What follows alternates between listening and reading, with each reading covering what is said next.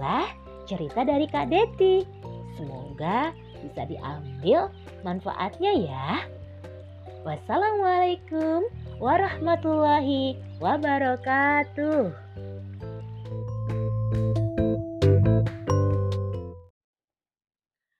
Assalamualaikum warahmatullahi wabarakatuh. Apa kabar adik-adik semuanya? Alhamdulillah, luar biasa. Tetap semangat. Iya, Kak Deti berharap semuanya dalam keadaan sehat.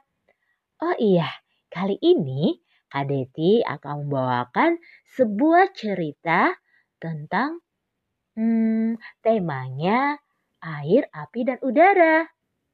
Nah, Kak Deti akan bercerita tentang api. Bagaimana sih bahayanya api kalau kita bermain dengannya? Hmm, mau tahu ceritanya?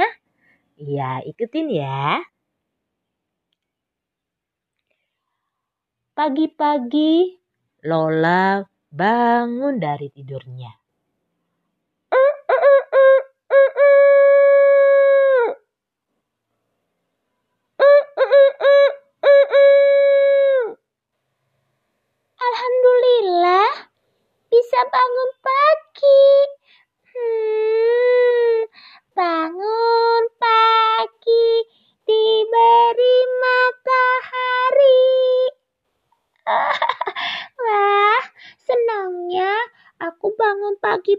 Pagi-pagi. Walaupun pagi itu dingin. Uh, tapi aku sangat suka sekali bangun pagi. Oh iya teman-teman, kita baca doa bangun tidur yuk sama-sama. Doa bangun tidur. Bismillahirrahmanirrahim. Alhamdulillah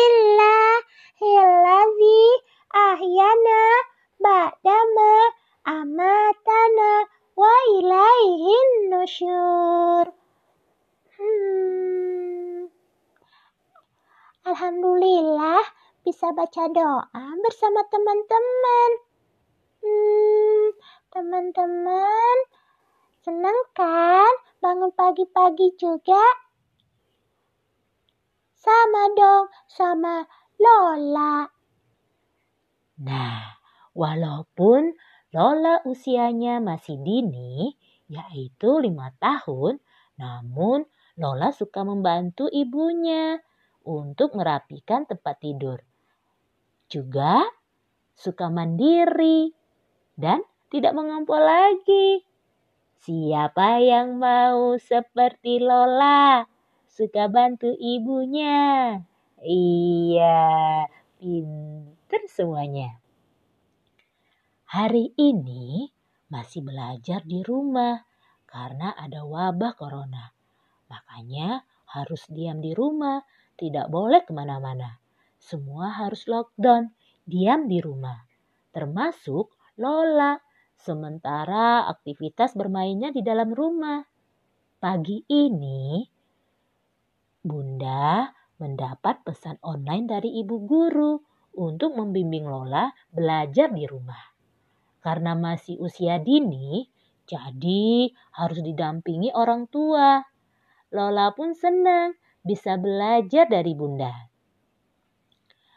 Hari ini hmm, kita belajar apa Bunda? Iya sayang. Oh iya, Lola mendapat pembelajaran tentang api. Hmm, Bunda sudah siapkan percobaannya, yaitu menyalakan lilin. Biar Lola tahu apa itu api. Hmm, ya tahulah bunda. Api itu yang membakar apa saja, apalagi sesuatu yang kering. Dan menciptakan api itu Allah. Wah, nah coba manfaat api untuk apa Lola?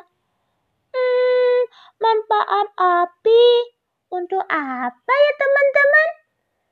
Oh iya ya, untuk memasak. Wah, pinter anak bunda. Sini, Bunda peluk. Hmm. Lola sangat asik mendengar penjelasan Bunda tentang tema api hari ini.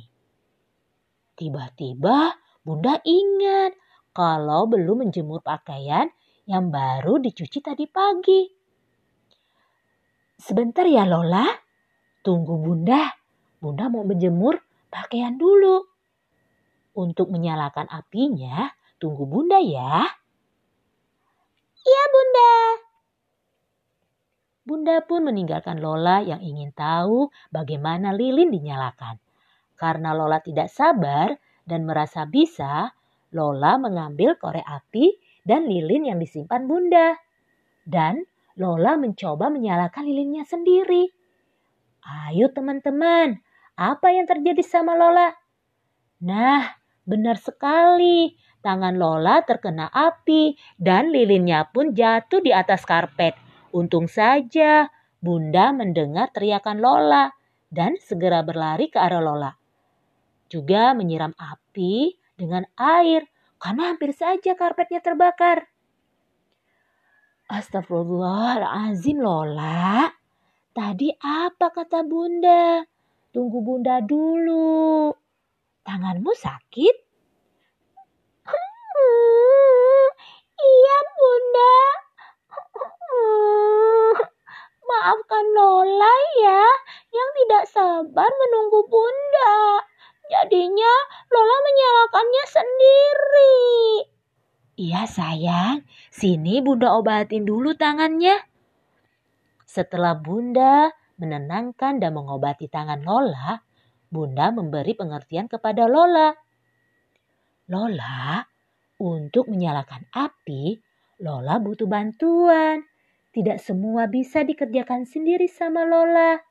Karena Lola masih usia dini ada perbuatan, ada aktivitas yang harus didampingi orang dewasa, seperti menggunakan pisau, menyeberang jalan, termasuk menyalakan api.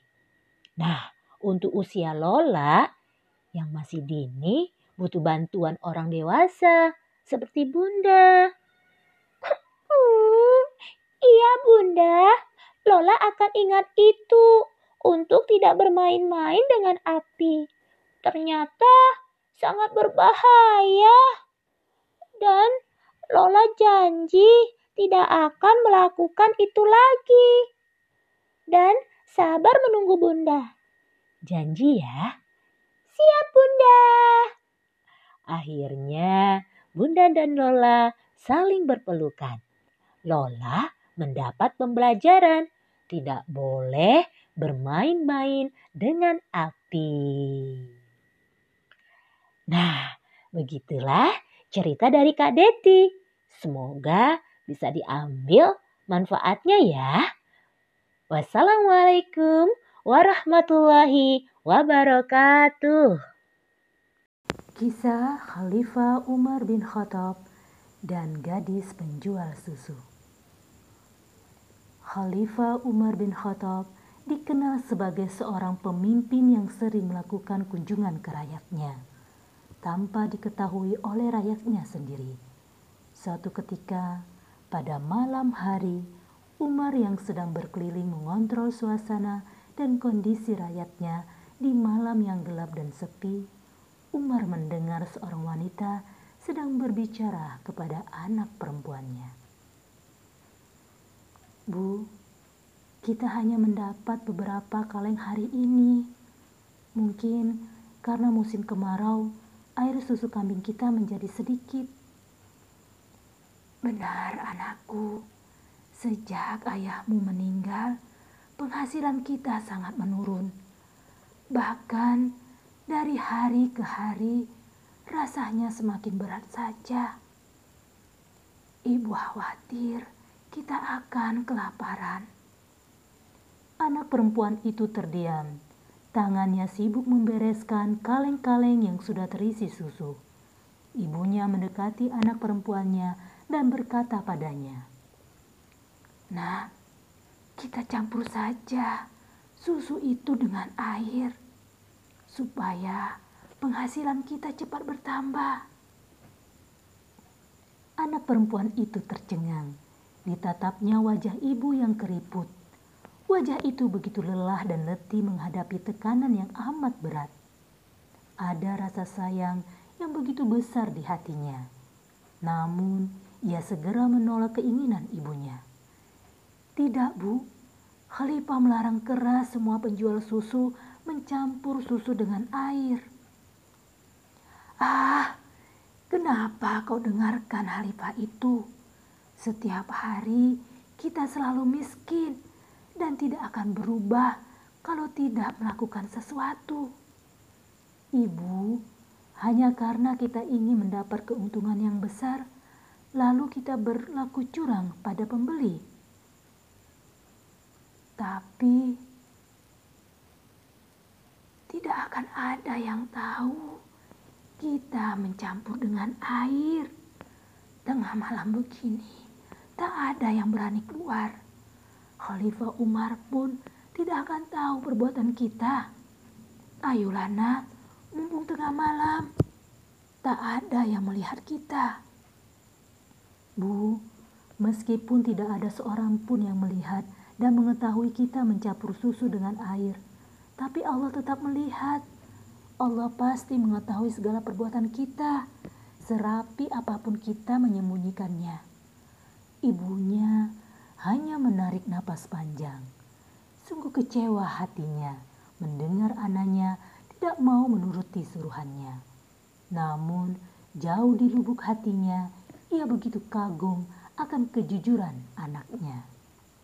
Sementara di luar bilik, Khalifah Umar tersenyum kagum akan kejujuran anak perempuan itu. Sudah sepantasnya ia mendapatkan hadiah. Khalifah Umar bin Khattab beranjak meninggalkan gubuk itu pulang ke rumahnya. Keesokan paginya, Khalifah Umar memanggil putranya Asim bin Umar diceritakannya tentang gadis penjual susu itu.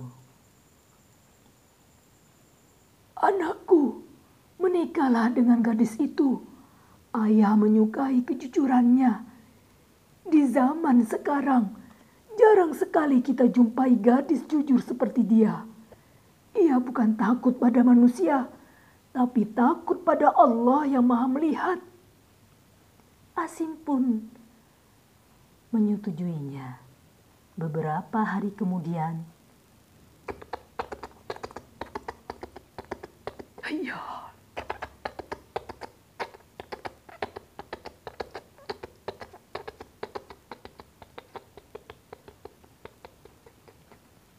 Betapa terkejut ibu dan anak perempuan itu dengan kedatangan Khalifah dan putranya. Tuhan, Tuhan saya dan anak saya tidak pernah melakukan kecurangan dalam menjual susu. Tuhan, jangan tangkap kami. Putra Khalifah hanya tersenyum, lalu mengutarakan maksud kedatangannya hendak menyunting anak gadisnya. Bagaimana mungkin?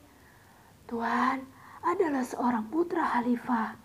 Tidak selayaknya menikahi gadis miskin seperti anakku. Khalifah adalah orang yang tidak membedakan manusia. Sebab hanya ketakwaanlah yang meninggikan derajat seseorang di sisi Allah. Ya, aku lihat anakmu sangat jujur. Ibu itu bahagia sekali. Khalifah Umar ternyata sangat bijaksana dengan menilai seseorang bukan dari kekayaan, tapi dari kejujurannya. Sesudah Asim Menikah dengan gadis itu, kehidupan mereka sangat bahagia dan membahagiakan kedua orang tuanya dengan penuh kasih sayang. Beberapa tahun kemudian, mereka dikaruniai anak dan cucu yang kelak menjadi orang besar dan memimpin bangsa Arab, yakni Umar bin Abdul Aziz.